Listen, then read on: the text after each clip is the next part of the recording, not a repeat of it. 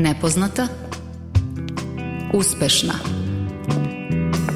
Udarna Kulturna Srećna i tužna. Žena u kutiji Slušate ženu u kutiji. Možda teške, ali važne teme i zato vas pozivamo da nas aktivno slušate u narednih sat vremena. Ja sam Tamara Srijemac, za ton zadužen Damjan Šaš, a evo šta nam je u fokusu u današnjoj emisiji.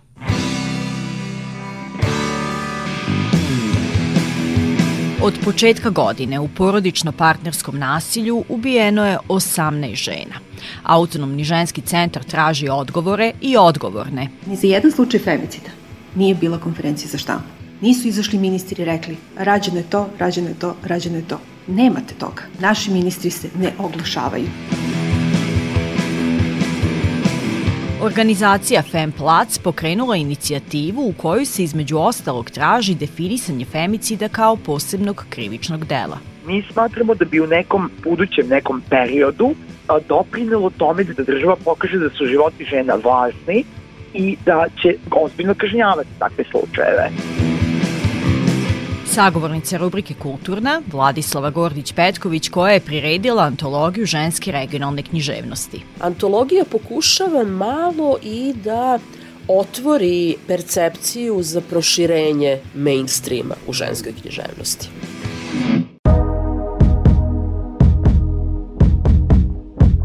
Otvaramo ženu u kutiji novom pesmom sjajne kanta autorke Strawberries koja nam donosi 100 stvari. Pesmu o prekidima odnosa i situacija koje nas tište, postavljanju granica i pronalaženju sebe birajući put u nepoznato.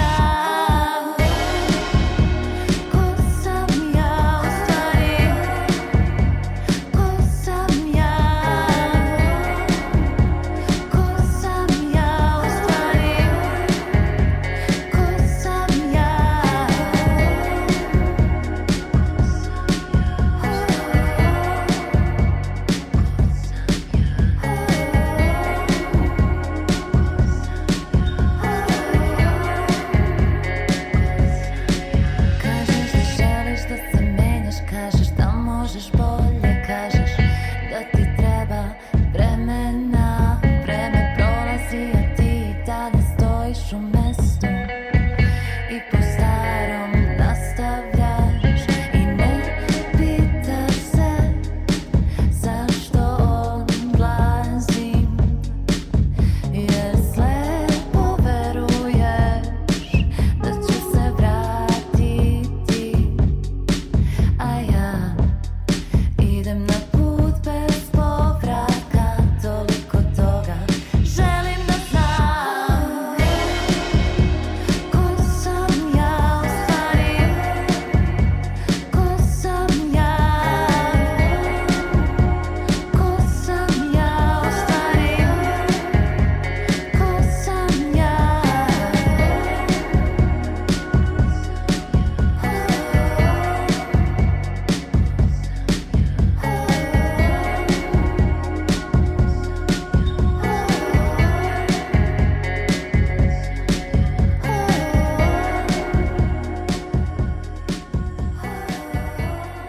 Udarna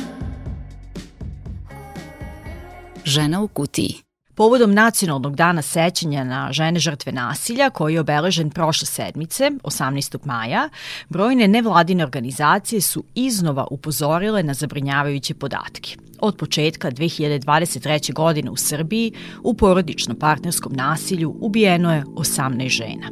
Među žrtvama je 16 punoletnih žena i dve maloletne devojčice. U Srbiji je već u 2022. godini povećan broj femicida, 25 žena i jedna devojčica, u odnosu na 2021. kada je zabeleženo 20 slučajeva femicida, dok su dakle u prvih pet meseci tekuće godine ti brojevi premašeni. Sa sigurnošću se može tvrditi da je u tri slučaja femicida u ovoj godini nasilje bilo prijavljivano institucijama.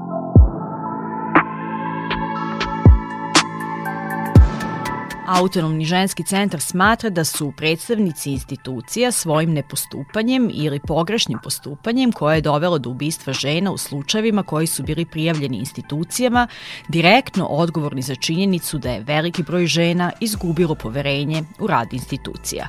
Pretpostavljaju i to da je sve to razlog zbog čega u Srbiji tako veliki broj žena žrtava femicida koje ranije nisu prijavljivale nasilje. AŽC je podneo inicijativu za održavanje javnog slušanja povodom ubistva jedne od žena u ovoj godini, žene u Pirotu. To objašnjava Vanja Macanović, advokatica te organizacije. Razlozi zašto smo se za to odlučile prvenstveno leže u tome što nekako vidimo izjave institucija, znači saopštenja za štampu koja su izlazila ispred tih institucija, koja su od sebe odgurivala odgovornost, govoreći da su institucije sve preduzele i da tu nema nikakve njihove odgovornosti, da ubistvo nije moglo biti sprečeno i okrivljavajući žrtvu da je ona kriva zašto ona kršenje određenih mera nije prijavila, te da eto tu institucije nisu mogle ništa. Mi se sa tim ne slažemo. Da podsjetimo, u Pirotu je 5. marta u centru grada, na očigled prolaznika, ubijena Sanja Manojlov. Na nju je pucao bivši partner koji u tom trenutku imao zabranu prilaska žrtvi. Sanja je osam puta prijavljivala nasilje, a tek devetog puta pred tužilaštvom je pokrenut postupak. Međutim, nasilje se ponovilo i tada je za nasilnika tražen pritvor, ali sud je to odbio. Posle toga počinio je ubistvo. Niko nije snosio ličnu odgovornost za nepostupanje ili pogrešno postupanje, dodaje Vanja Macanović i tim povodom AŽC je uputio Odboru za ljudska i manjinska prava i rodnu ravnopravnost Narodne skupštine zahtev za javno slušanje. Cilj javnog slušanja, koji traži AŽC, bio bi utvrđivanje propusta svih institucija u lancu zaštite od nasilja u porodici i partnerskom nasilju i koji propusti su nastali u slučaju ubistva SM u Pirotu. Na javnom slušanju, osim narodnih poslanika i poslanica, bili bi pozvani svi akteri od lokalnog do nacionalnog nivoa.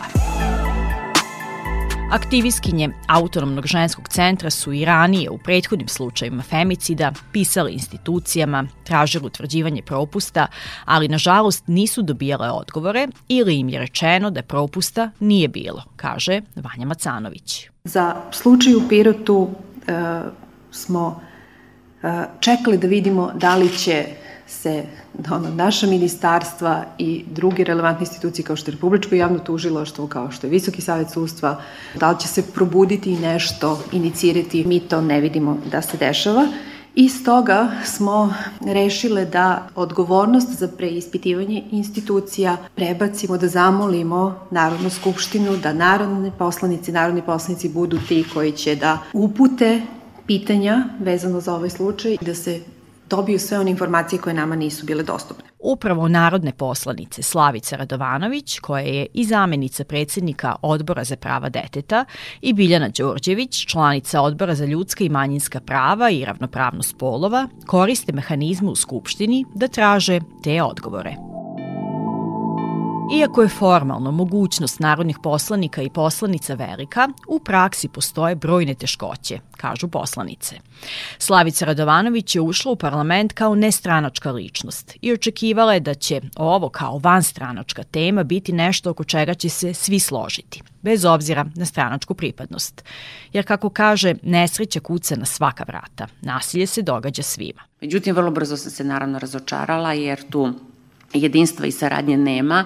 Znači, odmah smo krenuli da uh, predlažemo amandmane, da predlažemo da se za razliku od sigurne kuće uspostavi jedno prihvatilište urgentno za zbrinjavanje svih žrtava koje će imati i savjetodavni karakter i uh, pomoć i podršku i da, da ćemo sa ljudima i decom koja su ili žrtve nasilja ili imaju nasilnika u svom okruženju napraviti plan kako ćemo i šta ćemo dalje, to je po uzoru nekih zemalja koje sam ja videla.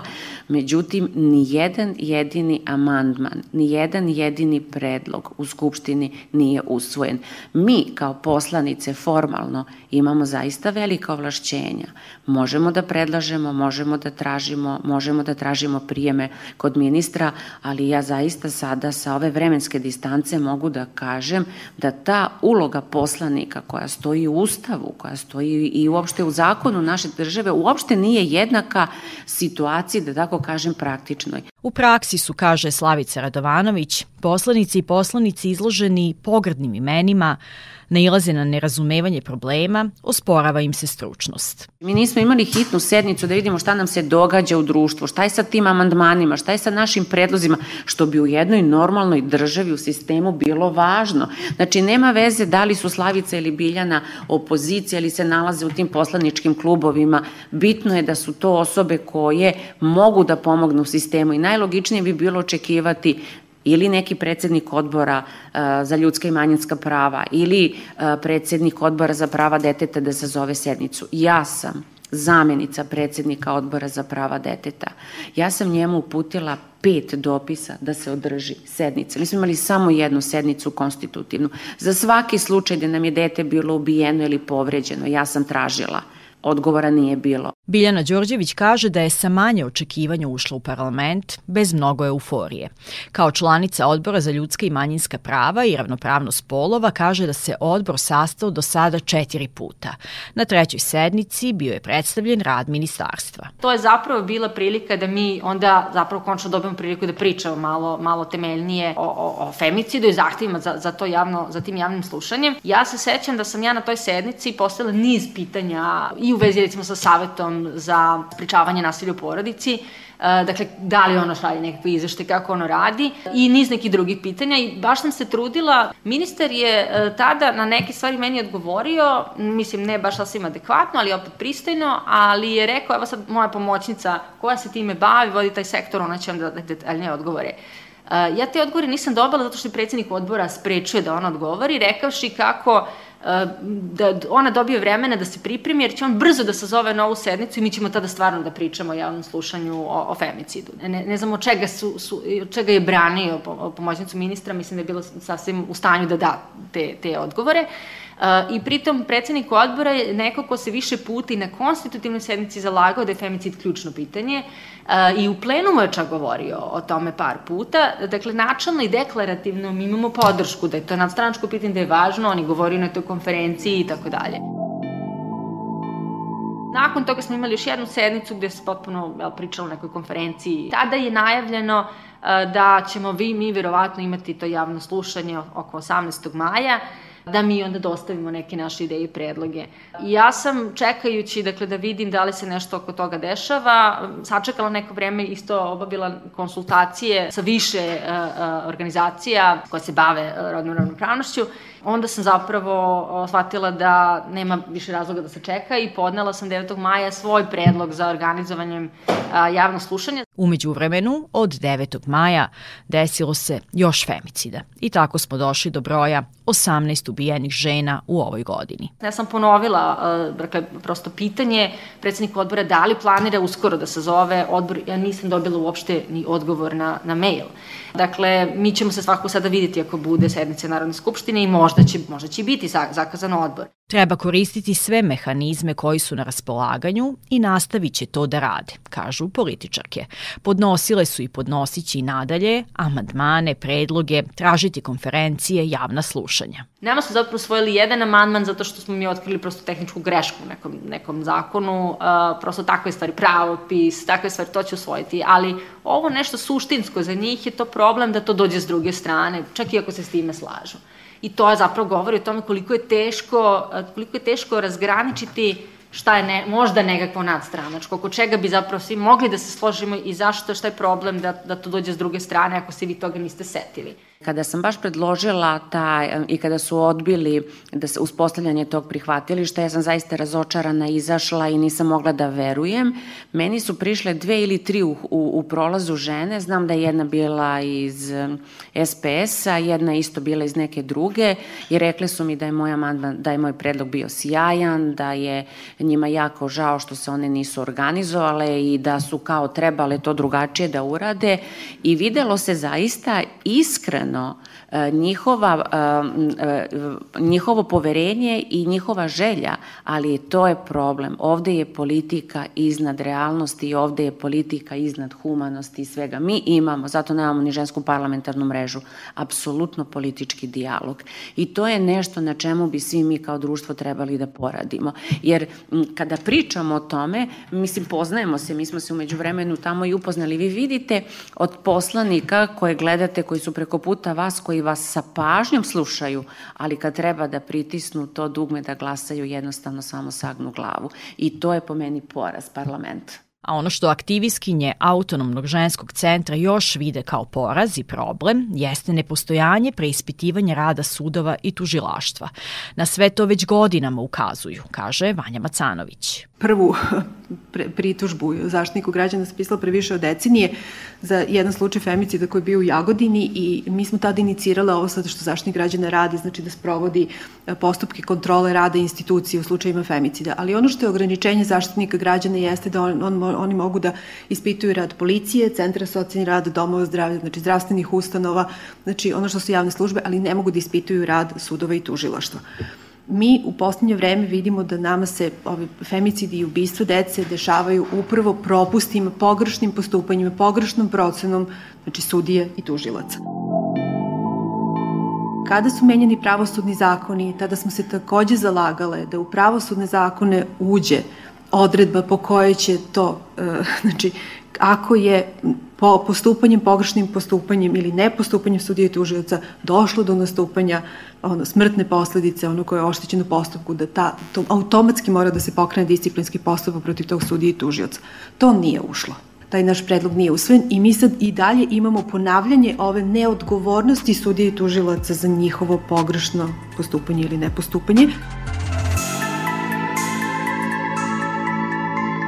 Pošto postoji ovaj veliki zid kada je u pitanju ubistvo u Pirotu. Znate, nema ni za jedan slučaj femicida nije bila konferencija za štampu.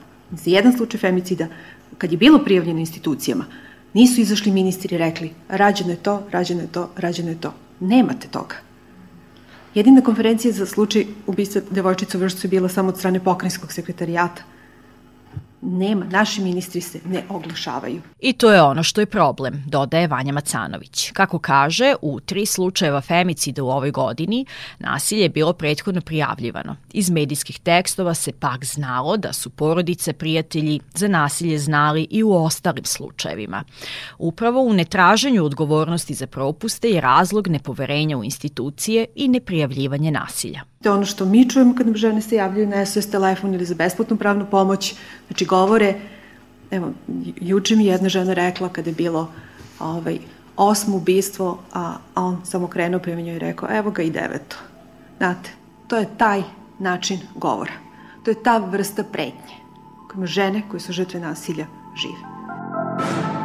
Zbog toga AŽC još jednom traži odboru za ljudska i manjinska prava da se održi javno slušanje posvećeno slučaju ubijene žene u Pirotu.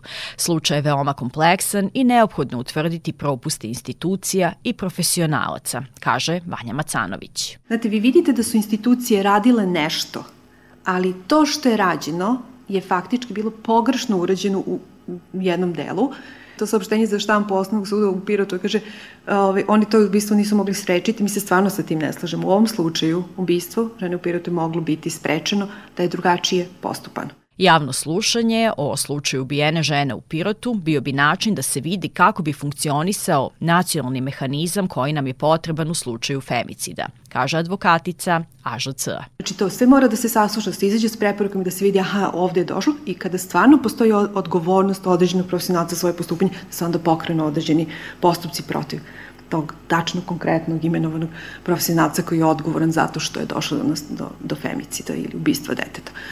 Tako da, evo još jedna molba ovaj, Narodnoj skupštini odboru da se ovo slušanje održi, da mi probamo da vidimo kako bi to na ovom slučaju funkcionisalo, da bi se onda mogli dalje da možda pričamo o tome kako bi trebalo formirati ovaj nacionalni ovaj mehanizam kada su u pitanju slučajevi femicida.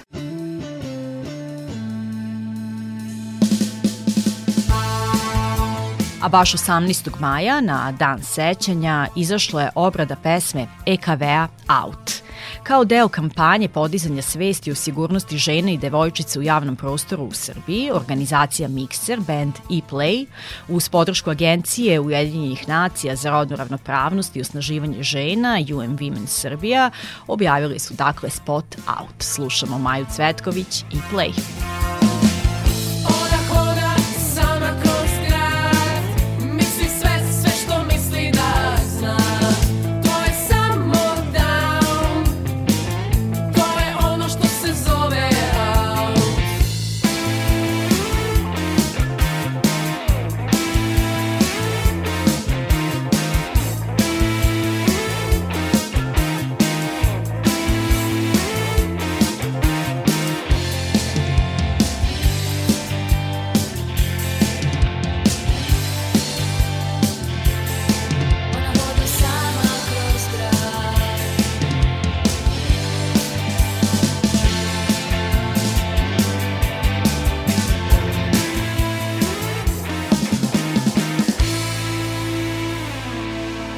Udarna, nepoznata, žena u kutiji.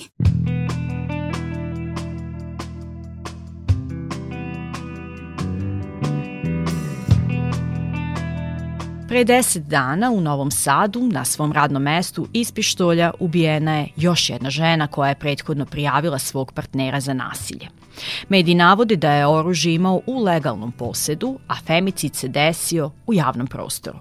Njenom ubici bila je izrečena samo mera zabrane prilaska i kontaktiranja, iako su predstavnici institucija znali da on radi u prodavnici oružja, da je lovac i da će mu oružje i nakon oduzimanja onog koje je bilo u njegovom legalnom posedu biti dostupno.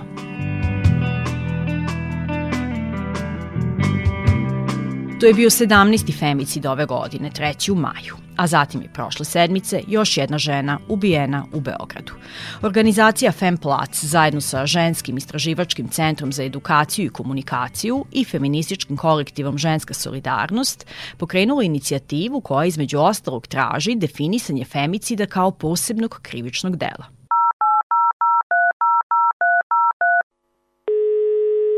Pozvali smo Kosanu Beker ispred organizacije Femplac.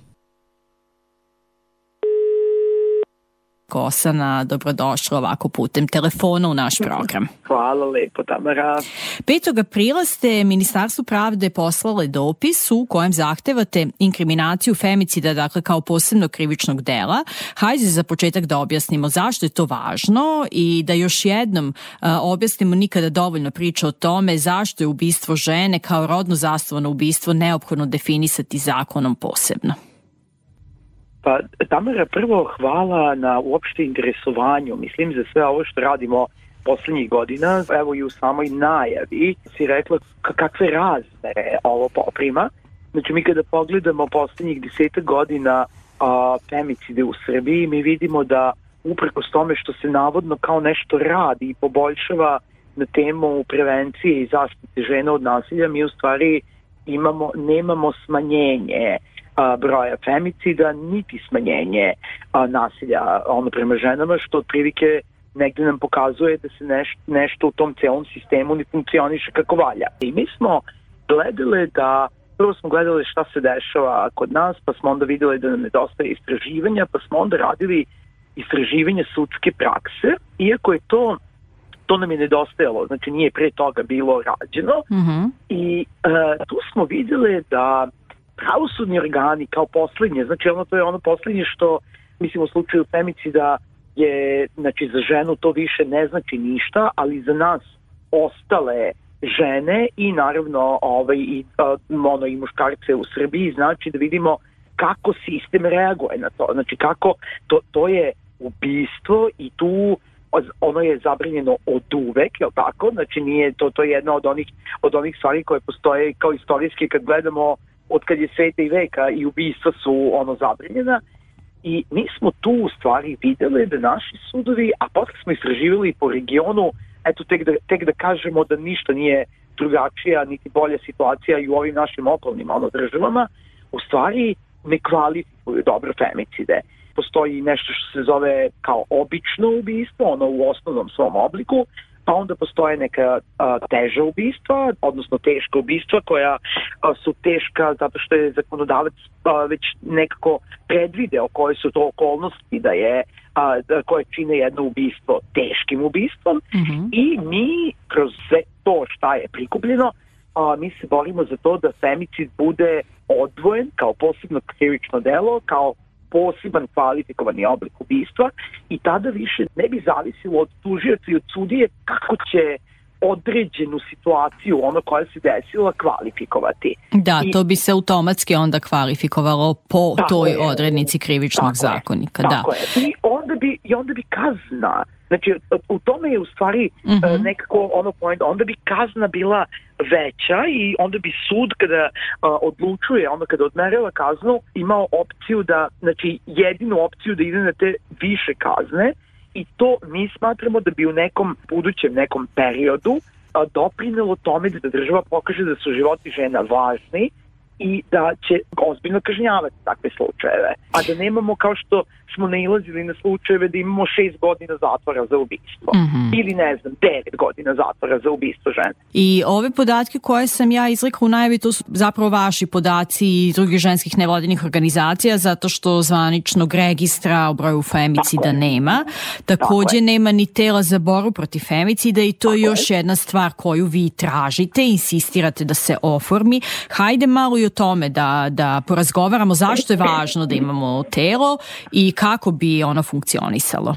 Najve ovog našeg današnjeg razgovora je bila a, odlična zato što je pokazalo u stvari a, kroz a, ovaj primjer iz Novog Sada koji se desio i imali smo a, pre nekog izvisnog vremena takav vrlo sličan primer koji se a, dogodio u, ono, a, u Pirotu, na primer. Znači, kada pogledate, to je jedan niz neprekidan femicida gde vi vidite, vi vidite da sistem ne radi kako valja.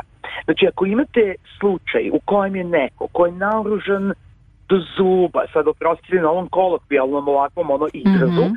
znači neko ko je do zuba naoružan je prijavljen za nasilje i radi u prodavnici oružja.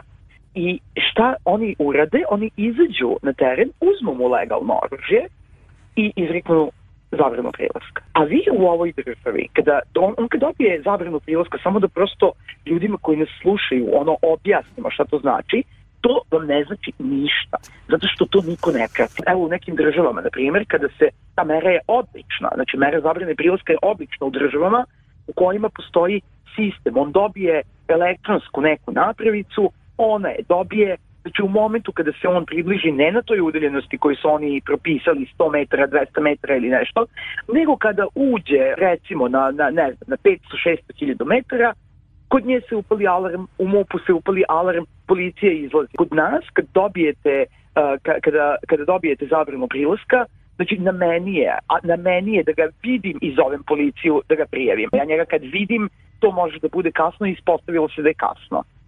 I ono što bi nama telo za praćenje femicida ili femicid watch ili observatorija ili kako god da je nazovemo, nama ono ne može da pomogne u ovom prvom, kako, eh, kako kažemo, prvom koraku.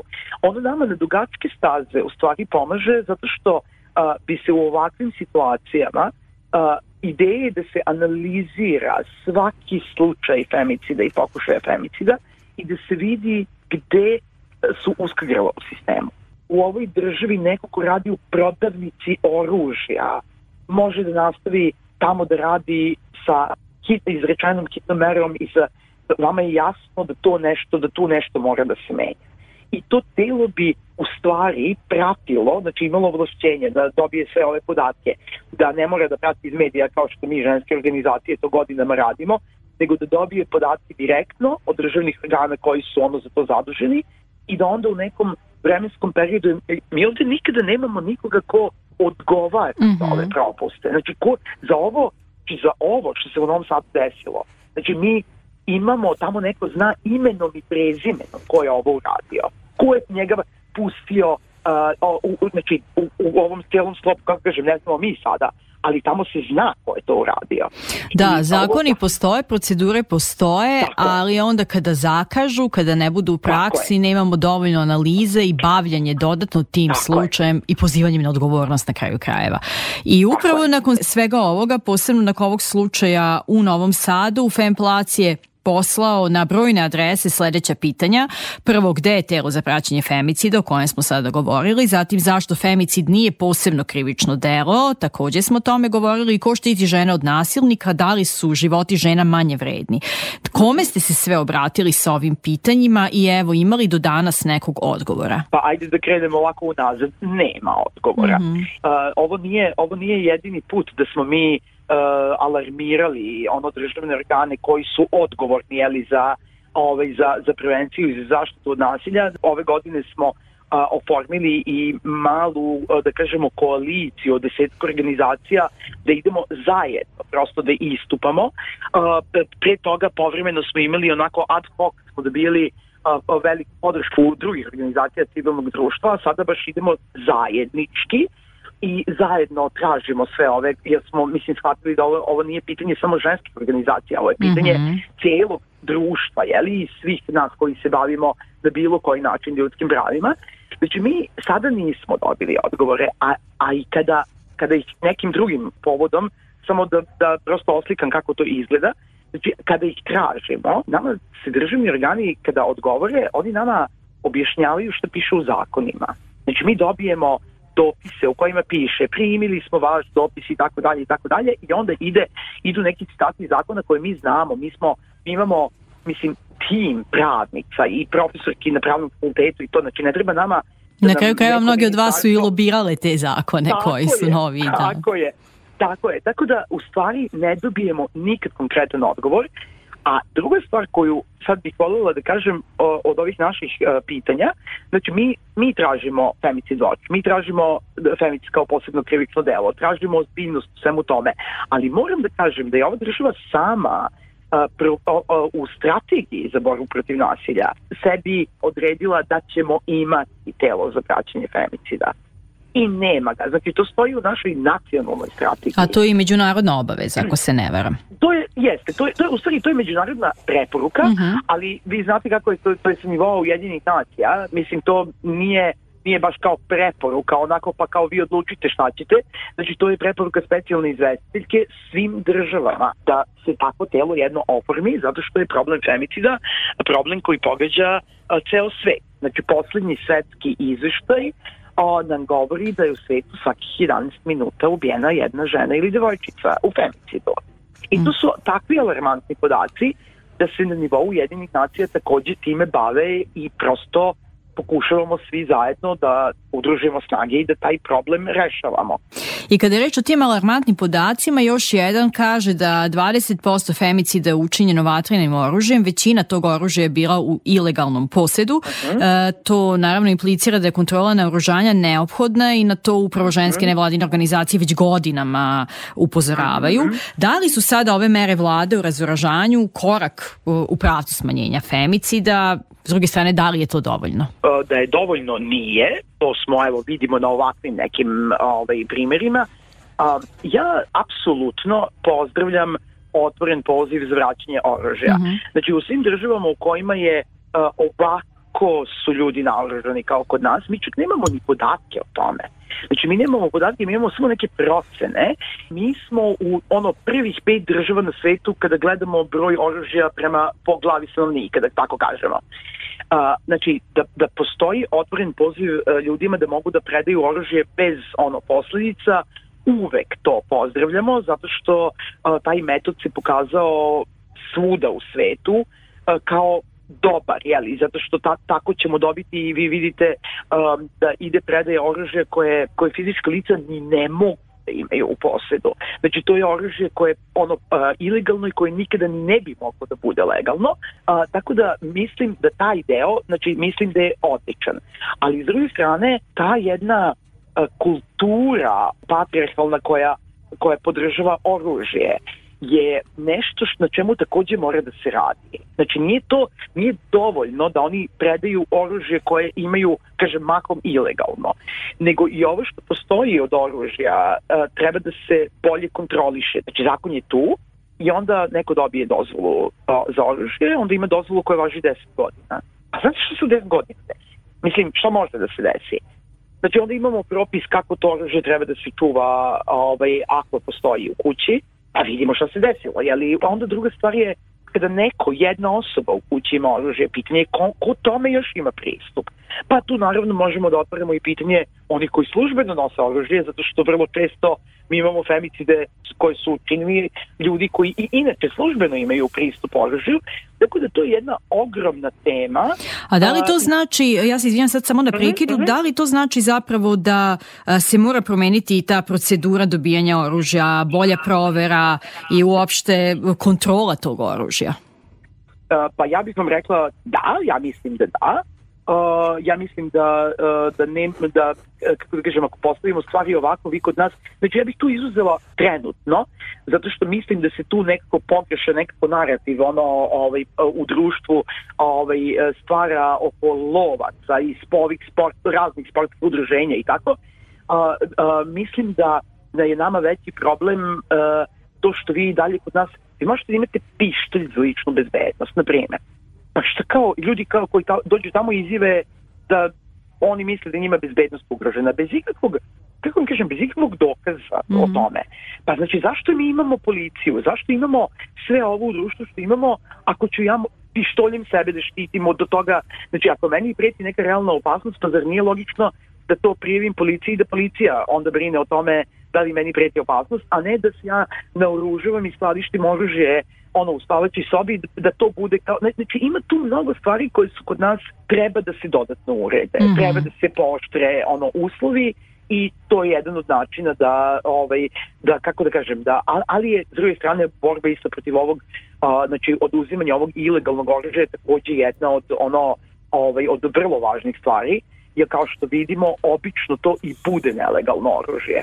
Da, i vratimo se na to zapravo to upravo ženske nevladine organizacije već godinama traže i godinama insistiraju i sada se i ti spomenula u priči da je ovo sada pritisak e, zajedno brojnih organizacija. Yes. Spomenuću i autonomni ženski centar koji od 2018. godine takođe traži da država napravi ekspertsku grupu koja bi analizirala propuste i da na osnovu te analize promeni stvari u sistemu koje, funkcion, mm -hmm. koje ne funkcionišu funkcionišu. Mm -hmm. Koji je sveopšti utisak? E, ima li u ovom momentu političke volje da se tako nešto desi i koji bi bili Kosana vaši sledeći koraci?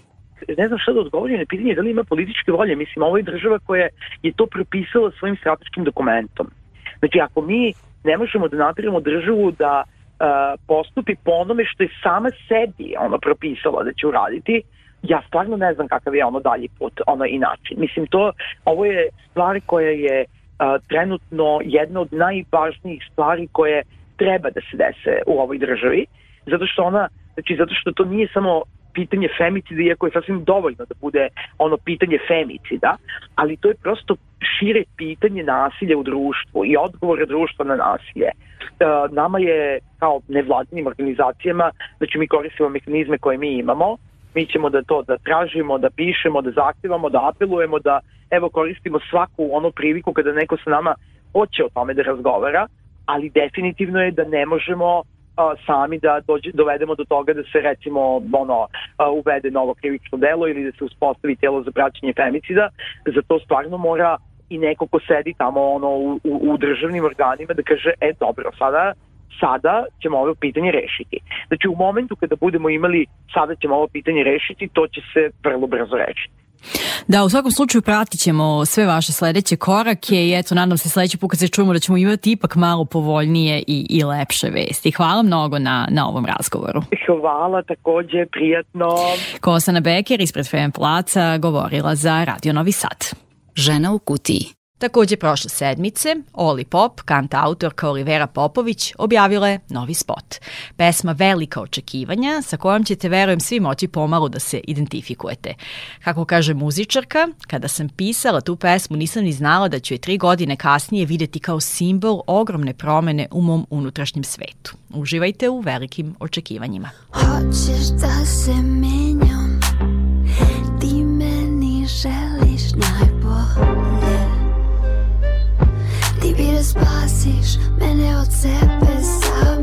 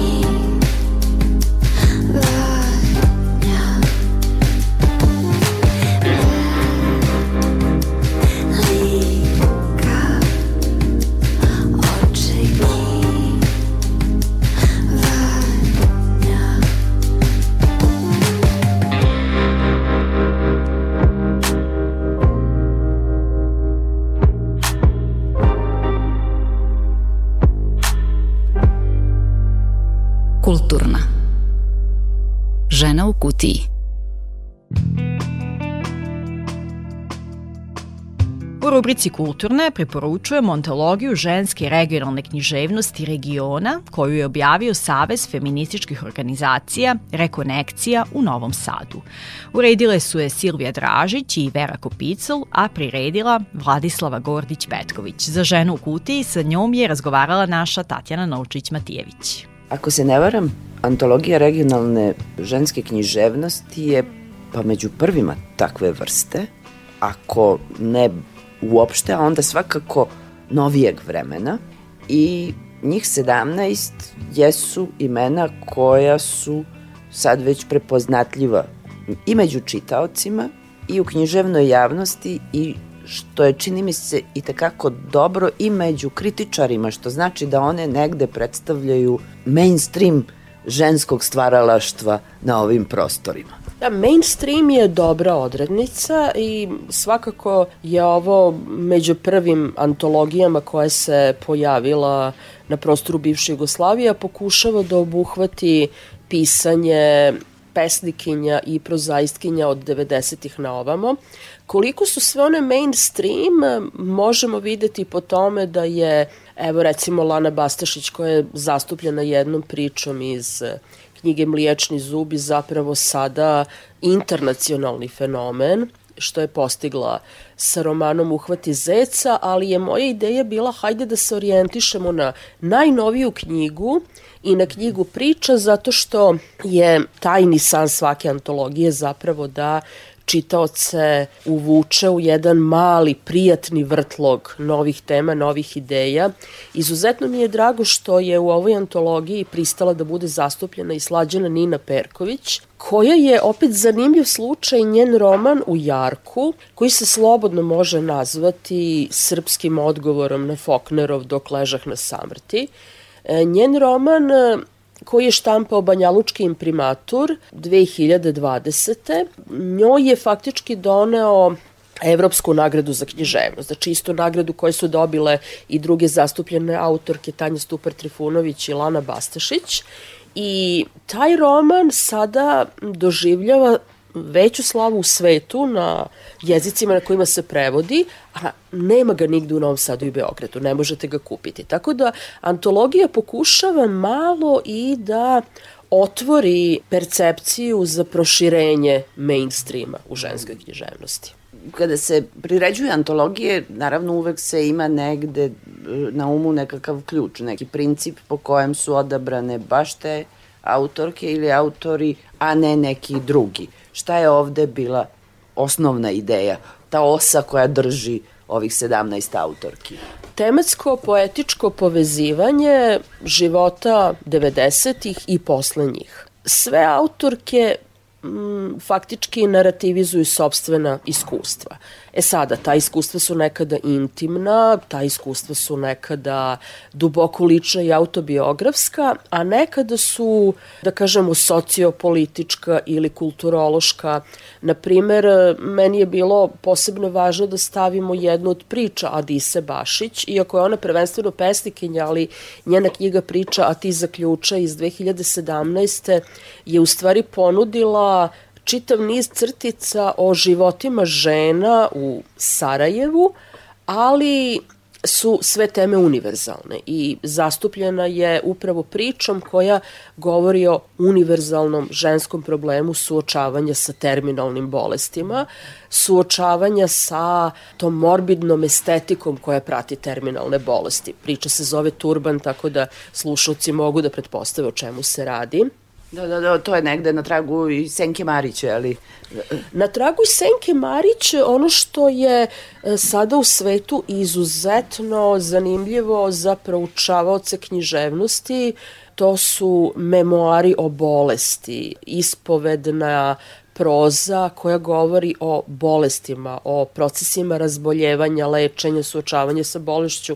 Evo recimo najsvežiji primer jednog takvog dela u nastajanju jesu bolničke hronike Hanifa Kurejšija koji od 26. decembra leži nepokretan u bolnici u Italiji, e, diktira svoje zapise koji se prvo pojavljuju na Twitteru, potom na blogu i već se formiraju ne samo čitalački krugovi, nego i krugovi tumača koji govore o tome da postoji nužnost da se povežu medicina i humanističke nauke u istraživanju svih aspekata bolesti.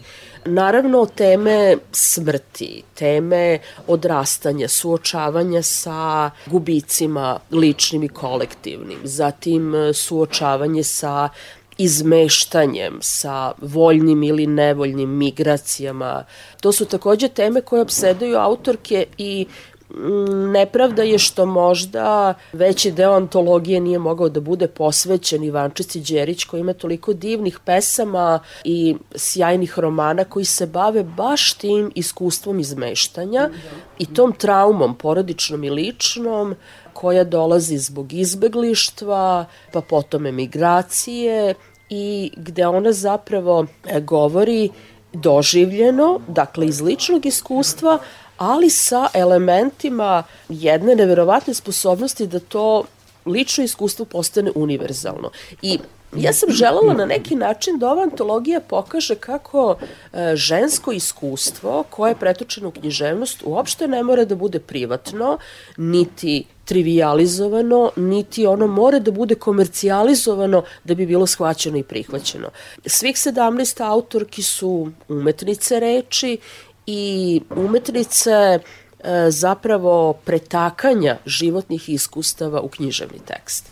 I sad naravno ono što je takođe važno pitanje kada govorimo o književnom tekstu jeste jezik, pogotovo što one manje više imaju vrlo slična iskustva jer su iz regiona gde, gde su bile te dramatične i turbulentne promene. Neke su i lično osetile i imaju tu, te pozicije izbeglih. Koliko su uspevale da formiraju svoj autentični jezik, odnosno jel, jel u rukopisu liče malo jedna na drugu? Zanimljivo je videti da se u dosadašnjim predstavljanjima antologije izuzetno mnogo insistiralo na toj izmeštenosti autorke da danas e, neke od njih žive u Vancouveru, neke u Beogradu, neke u Banja Luci, neke u Parizu, ali mislim da su te adrese više bila bile posledica nevolje nego ličnog izbora, ali sa druge strane njihov jezik e, se bitno menja pod uticajem e,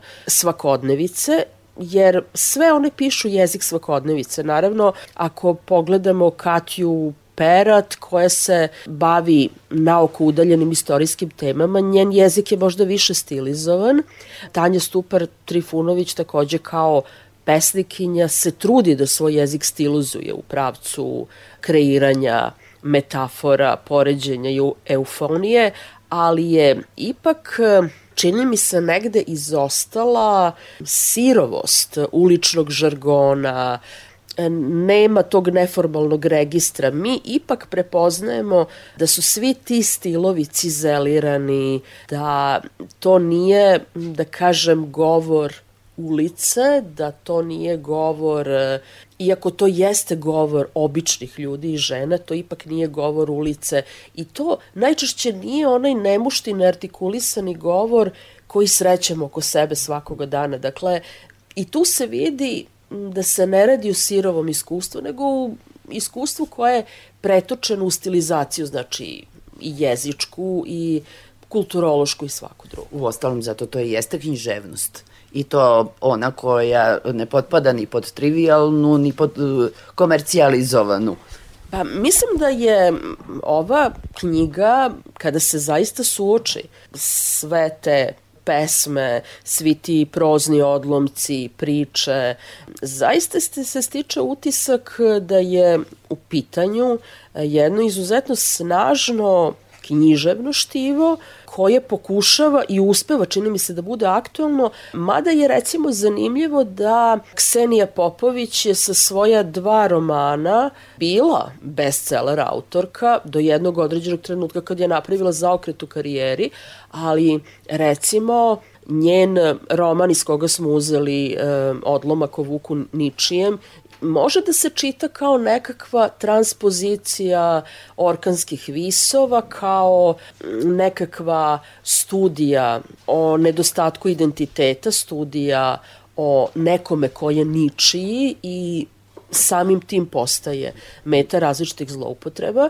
i kod Ksenije Popović je recimo svet vidno univerzalizovan, kod nje nema toponima, e, imena su vrlo univerzalna, ona zaista kao da se trudi da ispriča jednu priču koja je svevremena i koja uopšte nije geografski pozicionirana i mislim da mi je to čak i zanimljivo pomenuti zbog autorke koju smo mogli da zastupimo, ali a, pošto nije pisala 90-ih, ne bi se uklopila, to je Slavica Perović, koja je u svom prvom romanu Life Lift, objavljenom negde 2017 takođe tu sredinu Podgorica, Crna Gora, Kotor, svesno univerzalizovala, dajući recimo gradu koji po svemu liči na Podgoricu ime Piedmont, koje prevodu postaje transparentno, ali i kod Tanje Stupar Trifunović smo mogli da vidimo isti stepen ili sličan stepen univerzalizacije, dakle potreba da se progovori o univerzalnom iskustvu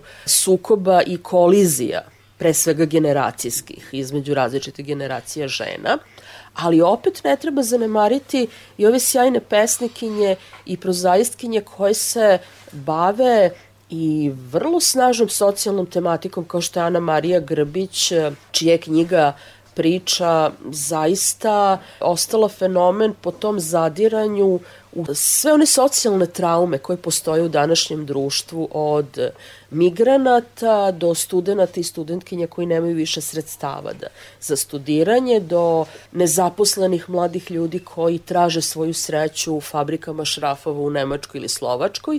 I sa te strane su meni recimo Srneća leđa bila važnija u tom smislu zastupljivanju antologiji nego uh, Ana Marina poezija, mm. što naravno ne znači da i poezija ne zaslužuje da bude predstavljena, ali mislim da je jedna od ideja vodilja bila i to da čitaoci i čitateljke čak i kada znaju autorke, čak i kada su ih čitali, da ipak steknu jedno drugačije iskustvo čitanja, koje bi bilo baš i kontekstualizovano time što su, eto, njih 17 na jednom grupnom portretu.